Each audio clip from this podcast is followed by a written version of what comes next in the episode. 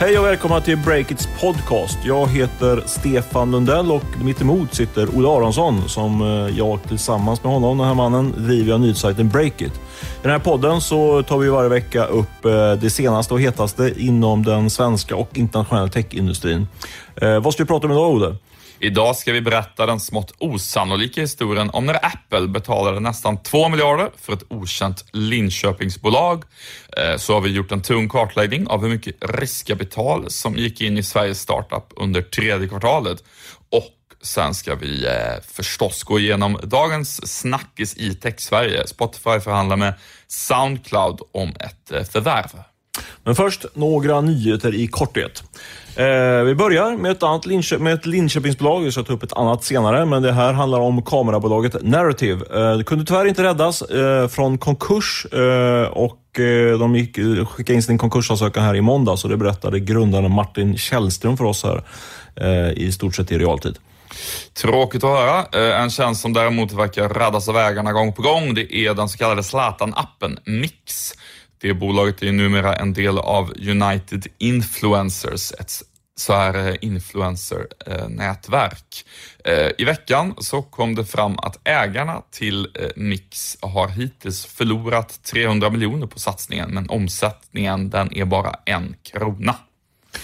Ja, vi försökte få lite kommentarer från vd när vi skrev om den här nyheten. Just den här en krona låter ju lite för dåligt för att vara sant, men eh, det är inte många kronor som det företaget omsätter i dagsläget.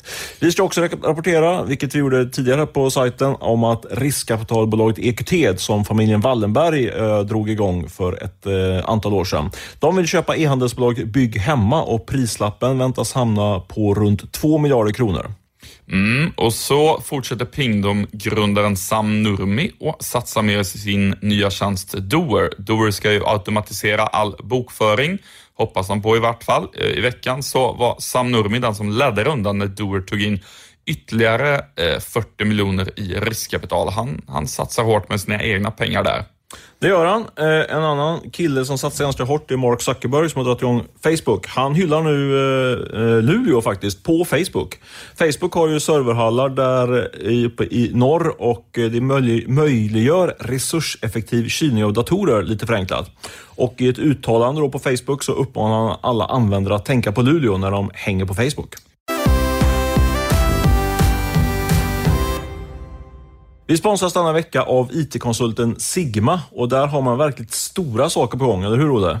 Ja, det måste man onekligen säga. Sigma är mitt inne i en rejäl tillväxtresa och för att nå ända fram så är ett av de uppsatta målen att skapa tusen nya jobb för eh, vassa IT-talanger. Så är det och eh, är du en av dessa IT-talanger så tycker både jag och Olle att du absolut på stört ska surfa in på den nya domänen 1000jobb.nu 1000jobb.nu och kolla in vad Sigma har att erbjuda just dig.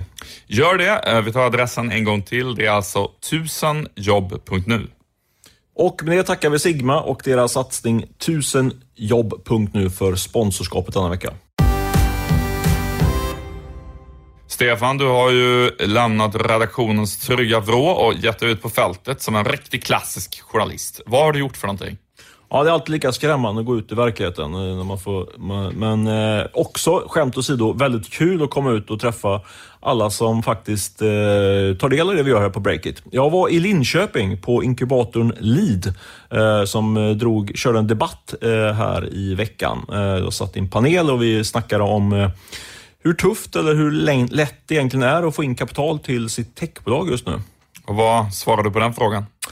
Ja, men det är väl eh, tuffare nu än, än för, för, ett, eh, för något år sedan, eh, hävdar väl de flesta eh, i panelen. Jag skrev ju en krönika på temat att det aldrig varit så enkelt att få in riskkapital eh, just nu. Men eh, sen så tonade jag ner och lite grann gick i polemik med mig själv i brödtexten. Så jag, jag håller med de flesta i panelen. Jag skulle kunna konkludera så här att det finns väldigt mycket pengar, kanske aldrig funnits så mycket pengar till just svenska techbolag. Men samtidigt så har kraven på dem som ska få de här pengarna ökat rätt mycket. Man fokuserar mycket på att man ska kunna visa upp en, eh, en hållbar affärsmodell och eh, helst lönsamhet. Det räcker inte bara med tillväxt.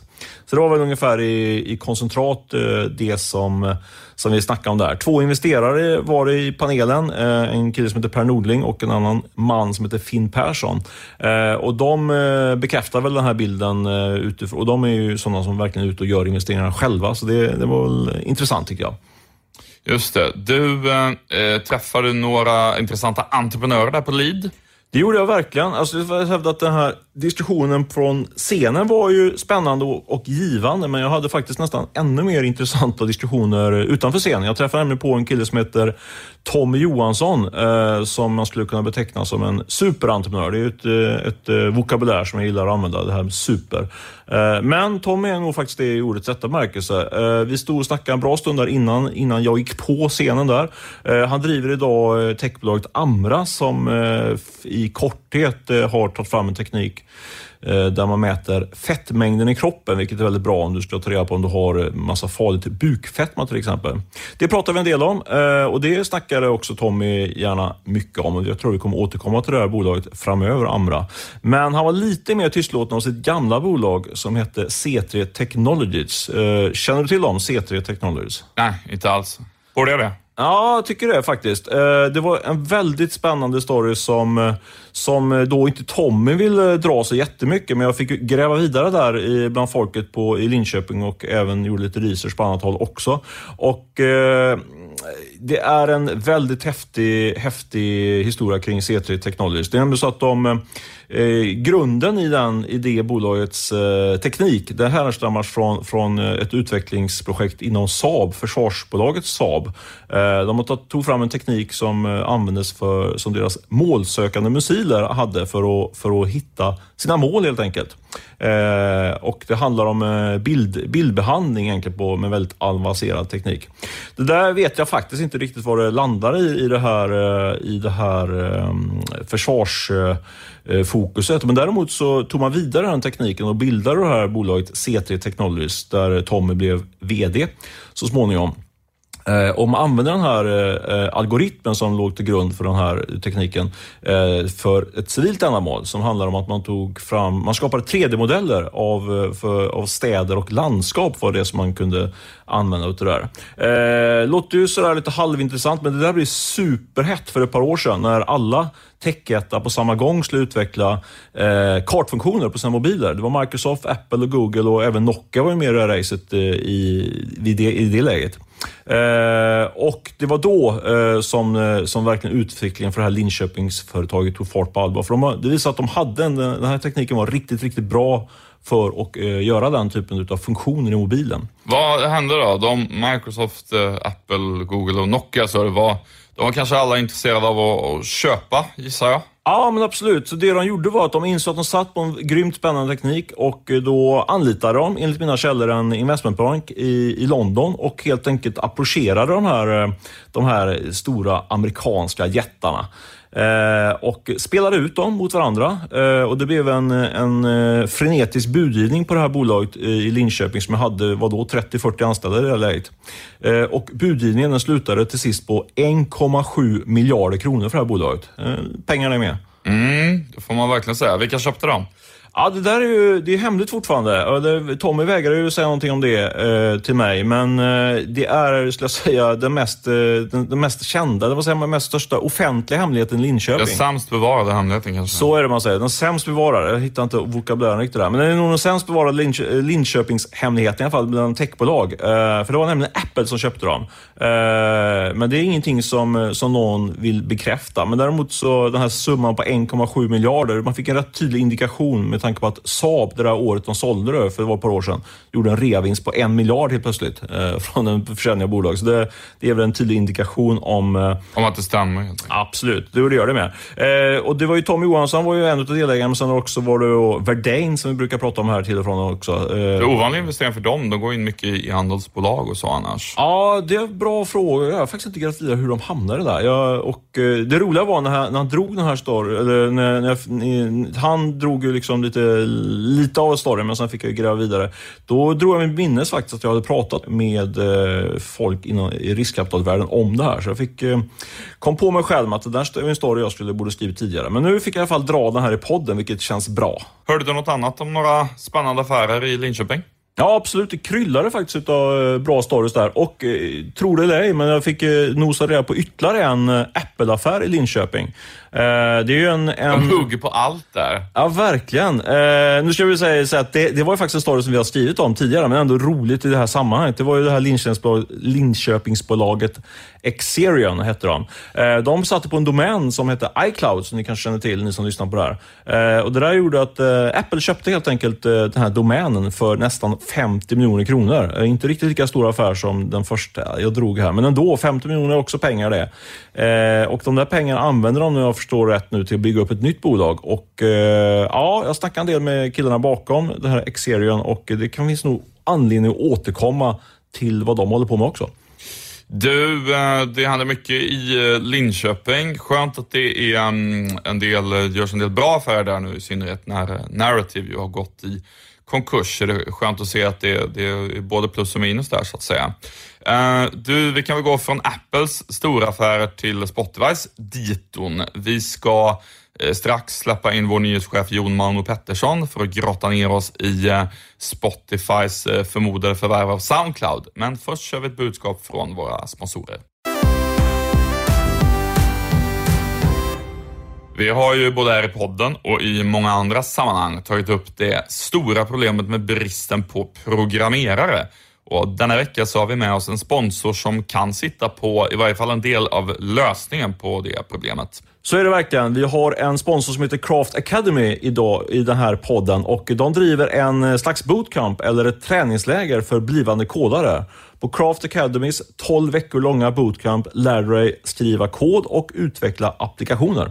Yes, och nästa kurs den drar igång nu i november i eh, Göteborg. Eh, och just nu så tar Craft Academy emot ansökningar till eh, den.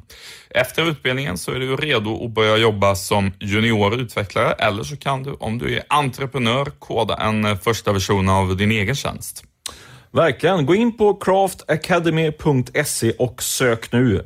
Vi drar adressen en gång till. craftacademy.se Yes, kolla in det och med det så tackar vi Craft Academy för att de sponsrar podden denna vecka. Sent på onsdagskvällen avslöjade Financial Times, den mycket ansedda brittiska affärstidningen som brukar ha rätt, att Spotify är i förhandlingar med Soundcloud, den svensk grundade ljudtjänsten i Berlin. Eh, och det handlade om att Spotify eventuellt skulle köpa Soundcloud. Eh, Jon Mano Pettersson, du är vår musikexpert och nyhetschef. Eh, till att börja med, vad är det för uppgifter mer i detalj som har läckt ut? Ja, du är inne på ungefär vad som har hänt. Det, man hänvisar till källor som hävdar att Spotify och Soundcloud har kommit ganska långt i förhandlingar om ett uppköp helt enkelt av, av Soundcloud. Och ja, det, det, det ses som en reaktion på den tilltagande konkurrensen från Apple bland annat. Att man vill väl kötta upp sig ännu mer med hjälp av Soundcloud och alla dess användare. Kan du utveckla lite kring det? Varför skulle Spotify vilja köpa Soundcloud? Ja, men det är en bra fråga. Eh, jag tror att det handlar om att Spotify har insett att allt fler kan göra ungefär det de gör, det vill säga leverera musik från skivbolag. Det Apple gör det, Google gör det, Amazon har börjat göra det. Och då handlar det någonstans för Spotify som ändå vill vara liksom bäst på musik, att faktiskt bli bäst på musik. Och hur blir man det då? Jo, ett förvärv av Soundcloud skulle kunna bli ett bra komplement till utbudet just eftersom Soundcloud är lite mer av ett YouTube för eh, musik, att man laddar upp musik, kreatörernas liksom, egen plattform någonstans. Så att inte bara konsumera liksom, radiohitsen utan att man börjar konsumera mixar och lite mer, lite mer som ett socialt nätverk runt musik kan man säga. Just det, så det blir ett sätt att bli um, mer unika. Ja, man breddar sin produkt rejält och sen har ju Soundcloud 175 miljoner lyssnare. Exakt vad det innebär är lite oklart, men de har i alla fall väldigt många som använder dem. Däremot lyckas de inte tjäna pengar på sina användare och det är väl det stora dilemmat för Soundcloud. Men det är Nej, Spotify... trots att jag betalar dem 9 eh, dollar i månaden för podcasttjänst. Aha, 9 ja, euro ja. i månaden eh, betalar jag faktiskt. Men Jag är nog, eh, min grupp är nog i en eh, svindlande minoritet av de där eh, 175 miljoner som använder eller vad det var. Mm, jag tror det. Eh, Men du, Soundcloud gick ut med pompa och ståt för några månader sedan och lanserade sin egen Spotify-konkurrent Soundcloud Go. Eh, Vet vi något om hur det går för den? Nej, inte mer än att de har lanserat och lyckats landa avtal med eh, majoriteten av skivbolagsjättarna. Så de, de, är i alla fall up and running så att säga. Sen har vi inte hört någonting om hur många som har signat upp och hur många som betalar och hur mycket intäkter eh, bolaget drar in just nu. Och det skulle ju kunna kanske vara en fingervisning om att det kanske inte går superbra. Men eh, vem vet? Känslan är väl att det inte har exploderat i alla fall. Nej, jag känner ingen som har signat upp på Soundcloud Go. Anekdotisk bevisföring i och för sig, men det känns som att det är tufft där ute nu med Amazon och alla möjliga som ska in i det segmentet. Ehm, en knäckfråga när man förhandlar om ett förvärv, det är ju prislappen. Finns det några det. indikationer om vad Soundcloud kostar att köpa? Eh, Det som spekulerats tidigare är att grundarna vill ha en, miljard dollar för sin tjänst. Det var en siffra som har snurrat runt eh, ganska länge. Eh, Och det motsvarar vad är det, 8,5 miljoner kronor ungefär. Eller Miljard. miljard, kronor, givetvis. Eh, men när Twitter investerade ganska nyligen, då gjorde man det till en värdering på 5,4 miljarder kronor enligt Dagens Industrisajt DI Digital. Eh, så det är väl där krokarna, om man ska gissa på att värderingarna är korrekt och att inte folk vill göra förlust på sina investeringar. Eh, så någonstans där, och det är en hög prislapp, till och med för Spotify som har en massa pengar i, i kapital. Jag kan gissa att de ehm, skulle kunna betala delvis med egna aktier där. Det är en Eh, gissning, absolut. I synnerhet eftersom de är på väg till um, börsen nu då. Kan det vara ganska lätt att sälja dem där. Men då är frågan, är det ändå värt det? När man, ska man köpa ett bolag som inte har några större intäkter överhuvudtaget, men massa användare, men som ändå inte riktigt är uppsignade på det sättet? Många lyssnar ju bara på Soundcloud, bara går in och lyssnar. Så jag tror att det finns en hel del frågetecken till om det verkligen är värt de pengarna, även om man nu skulle kunna rassla fram pengarna på ett eller annat sätt. Vi ska vara tydliga med det att den eh, rapportering som har gällt eh, den här potentiella dealen har handlat om just om att bolagen eh, är i ehm, förhandlingar om ett sånt här förvärv. Det är, kan ju mycket väl vara, väl vara så, vilket nog är ganska sannolikt ändå att affären inte blir av helt enkelt. Vad skulle du säga sannolikheten är där för att det blir en affär versus att det inte blir det? Eh, det har ju spekulerats tidigare om Spotify och Soundcloud och då- då har ändå mitt svar på den frågan varit att jag inte tror att det kommer bli av, att det är låg sannolikhet. Financial Times är ju en trovärdig aktör får man säga. Vilket, eh, vilket gör att man kanske får fundera ett extra varv om det kanske finns någonting som man har missat i sin, sitt eget förhoppningsvis rationella tänkande. Men... eh, Så är men- det 40-60? Vad- Till, eh, alltså 40 på ett köp Nej, jag 60 på inte? Jag säger nog eh, 70% sannolikhet att det inte blir en affär. Okej. Rätt i. Om jag bara, Ja. bara höftar till mig helt uh, siffror tagna i luften. Nej, men jag, jag, jag, det, gör vi en rubrik på i poddpuffen imorgon. Precis. 30% Nej, men jag- sannolikhet enligt Breaks musikexpert. får man äta upp såklart. Men eh, nej, jag hoppas att det blir av. Jag tror det finns jättestora liksom, synergier, men jag är inte säker på att det är lätt gjort att bara köpa bolaget och förvandla det till betalande användare och gegga ihop det till en och samma plattform som jag tror någonstans att man behöver göra. Och då är frågan, är, kanske man kan utnyttja de där miljarderna på ett smartare sätt kanske. Jag startar upp, eh, jag vet inte vad, man kan göra mycket för eh, vad var det, 8,5 miljard om det är den prislappen det gäller. Man kan till exempel köpa en del videorättigheter som Mm. Spotify har varit intresserade av och man kan också bara ägn, ägna sig åt ett massivt marknadsföringskrig med Apple om att rekrytera betalande användare. Och samtidigt bygga upp en teknik som är likvärdig med det Soundcloud har. För just teknikmässigt tror jag inte Soundcloud ligger extremt långt fram på något sätt. Det är mer att de har lyckats bli en hip, väldigt hipp liksom, plattform där folk faktiskt använder och laddar upp sin musik. Som användare kan jag garantera att jag inte har varit jätteimponerad av den här podcast-plattformsgrejen som typ eh, tog två år för dem att eh, lansera och sen typ inte var något Mm. särskilt.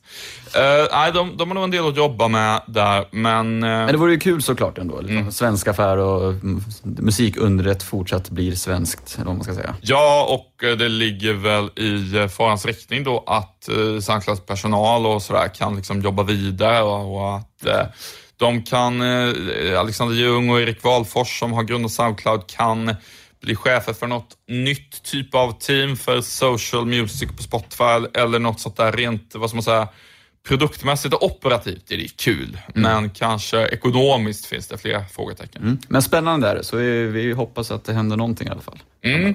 Och då är det alltså 30% sannolikhet att det händer någonting enligt eh, Jonan Pettersson. Precis, exakt 30, nej 31 kanske. Ja. Vi sponsras denna vecka faktiskt av en annan podcast. Digitalisten heter den podden. Eh, berätta Olle, vad är det för typ av podcast? Det är en satsning som Telia Företag gör och som leds av radioprofilen Kjell Eriksson, som ju också är eh, entreprenör. Och fokus i den podden det ligger på hur digitaliseringen påverkar svenska företag konkret. Så är det. I den här podden får man både handfasta tips och en hel del inspiration. Eh, bland annat brukar det bjudas på intervjuer med faktiskt riktigt tunga techprofiler. Gå in och lyssna redan nu, eller kanske ännu bättre, efter att du lyssnat klart på oss. Gör det. Eh, du hittar Digitalisterna där du hittar andra poddar. Och med det så tackar vi Digitalisterna och Telia för sponsorskapet denna vecka. Sådär, nu kan vi eh, presentera helt eh, färska siffror på hur investeringar i svenska techbolag har utvecklats det senaste kvartalet. Eh, vad säger den kartläggningen, Stefan?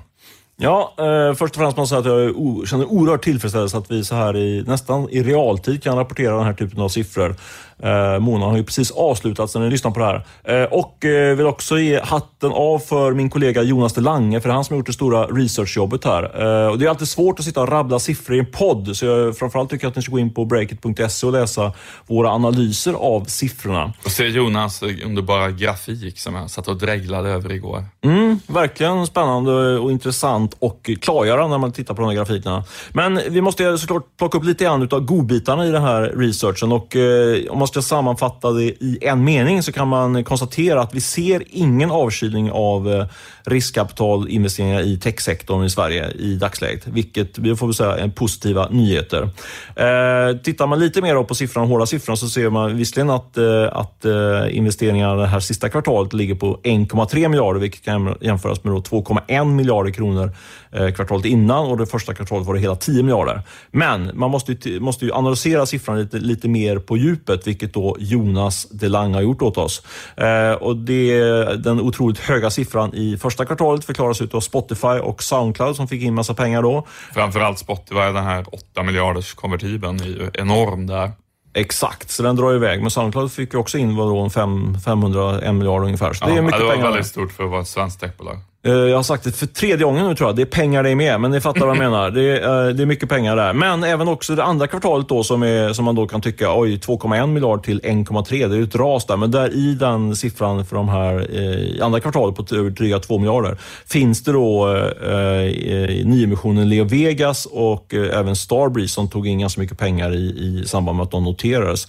Eh, så det är, så jag skulle säga att eh, den, den övergripande och relevanta slutsatsen är att man ser ingen, ingen eh, avkylning på, på den svenska riskkapitalmarknaden just nu när det gäller techbolag. Och man ska väl säga där också att um, det finns ju en väldigt tydlig uh, säsongsvariation vanligtvis också. Tredje kvartalet ska ju vara dåligt för att i tredje kvartalet ligger det mycket sommarmånader och då brukar det ofta vara så att det knappt är några investeringar alls. Men den här, ehm, eh, den här sommaren hände det ju faktiskt ganska mycket. Vi hade ganska många sådana här 50-60 miljoners rundor i, i juli till och med, då det verkligen brukar vara semester som vi kunde rapportera om. Så att ehm, eh, det är nog ganska säsongsmässigt eh, starkt ändå med 1,3 miljarder i svenska startups. Eller vad säger du? Ja, det får man säga. Men om man tittar lite på man analyserar, vi kommer ju eh, redovisa bland annat de 30 största rundorna på sajten, eh, så ser man att Eh, det ändå är en övervikt då för, eh, eller det är ju alltid en övervikt för, för såddrundor, för de är mindre, men man ser att det, det är en hö, större övervikt i, i, i de här siffrorna sista kvartalet. Eh, så man kan, man kan dra slutsatsen att eh, såddrundorna, där är det fortfarande riktigt bra fart, men däremot så är det tuffare att göra de större rundorna. Det finns inte en enda runda som är på över 100 miljoner kronor. Och eh, det där är väl en bild som, som jag får bekräftat av både investerare och entreprenörer som man, när man pratar med dem på daglig basis. Eh, jag skulle säga att det är ganska lätt att få in eh, sådär en till tre, fyra miljoner kronor. Eh, som, som vi tog in exempelvis. Ja, Inte exakt. för att det var lätt, det var ett gott arbete av dig, men... Ja, men det får man säga att det var lätt faktiskt. Det var, det var ju väldigt stort intresse för den och det, var, det gick bara på 30 dagar. Så det, det märker man ju på... Det är ganska lätt att få in pengar på de små nivåerna för då kan folk gå in lite grann, chansa lite mer tror jag. Men där, ja, det, går ju, det går att prata mycket om varför det är lättare att få in de pengarna. Men eh, det som är intressant där tycker jag ändå är att sådderunder är fortfarande enkelt att få in pengarna. Men däremot om du ska ta in uppåt 10 miljoner och mer än det, då är det helt andra krav nu jämfört med för 18 månader sedan. Då krävs det att du kan visa upp en eh, ganska ja, hyggligt fungerande affärsmodell och helst lönsamhet också ska du ha. Det är i alla fall vara på väg mot lönsamhet. Och den trenden kan vi väl misstänka att den kommer fortsätta. Att, eh, vad ska man säga, intäkter kommer vara, kommer vara coolt igen. Det är lite den trenden det, det verkar gå mot. Va? Så är det ju. Och det där bekräftas ju inte minst av eh, Martin Källström där på Narrative när jag pratade med honom. Han, de, de satt på i ett riktigt, riktigt jobbigt läge. Eh, ett hårdvarubolag som bara eh, förlorar massa pengar och egentligen kanske inte hittat den här riktiga affärsmodellen och de var då behov av att ta in ganska mycket pengar. Uh, han sa ju själv att den, den hade ju helt enkelt nästan dött, den, den, det segmentet. Alltså pengar till hårdvarubolag som, som i och för sig har rätt kraftig tillväxt, men som inte tjänar pengar.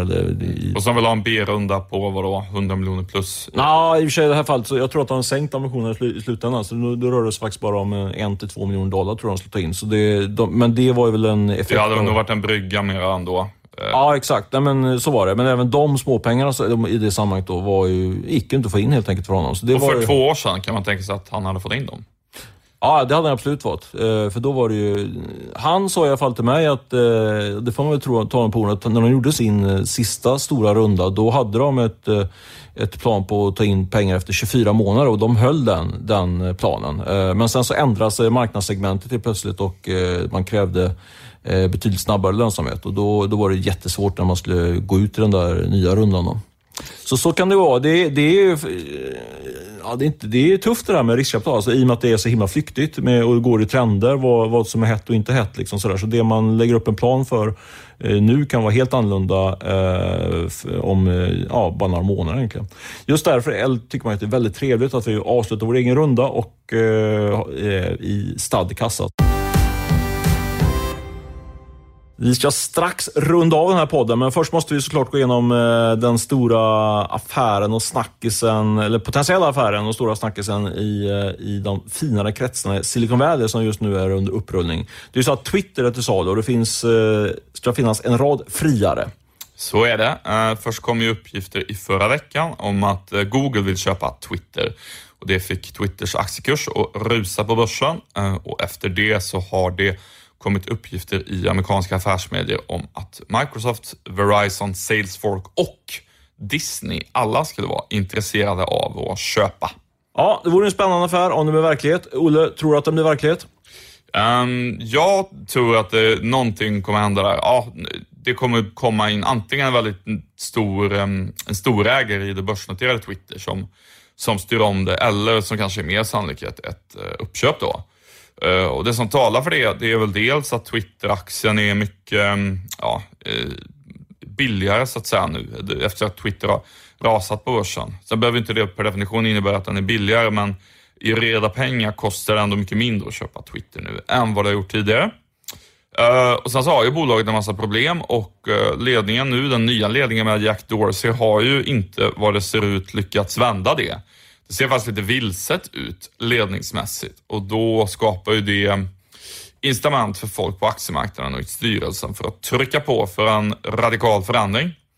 Eh, och en annan grej som jag tycker verkligen talar för att det blir en affär, det är att eh, många av de här stora techbolagen och andra bolag som inte riktigt är tech, eh, som pekas ut som potentiella köpare, de är ju, tror jag, i ledningarna ganska engagerade i Twitter. Många använder Twitter, man bryr sig om Twitter, alla har en åsikt och eh, det talar väl i sig också för att det i varje fall finns början till ett intresse eh, bara på grund av det.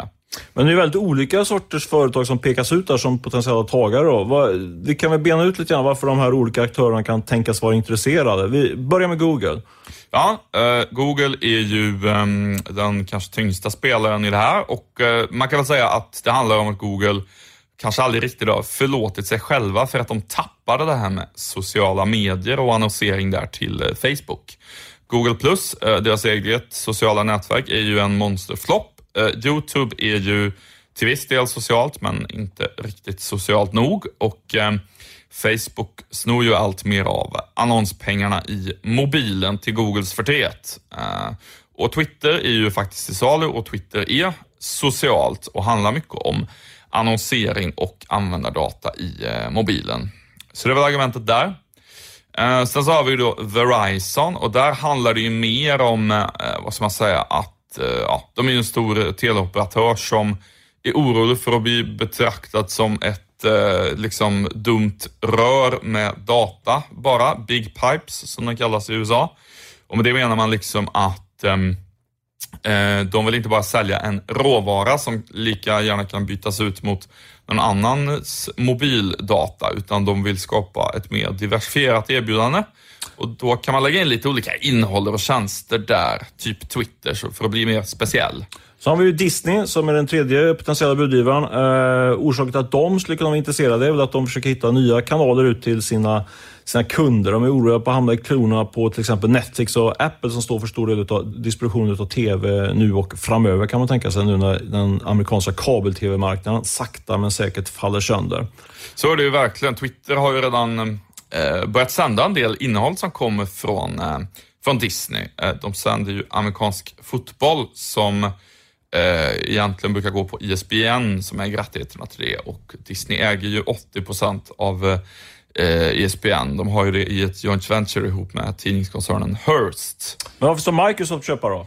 Ja, men det, det, är väl en grej som jag tycker är den mest orimliga affären egentligen. Både Microsoft och eh, Salesforce som ju också är med i diskussionen, de är ju ändå, vad ska man säga, de är ju B2B-bolag idag. De säljer tjänster till andra företag och de har liksom inte den här annonsaffären riktigt som eh, till exempel Google har som är relevant och som är Twitters befintliga affärsmodell. Eh, jag tycker väl både Microsoft och eh, Salesforce känns rätt avlägset egentligen och eh, andra kan nog argumentera bättre för i så fall eventuellt varför det ändå, eh, även om inte jag förstår det, skulle vara en rimlig affär.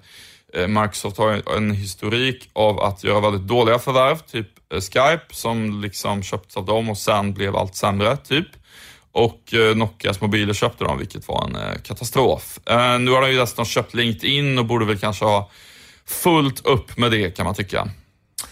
Så kan man tycka. Eh, ja, mitt stalltips är att eh, Google till sist slukar Twitter. Vad, vad tror du?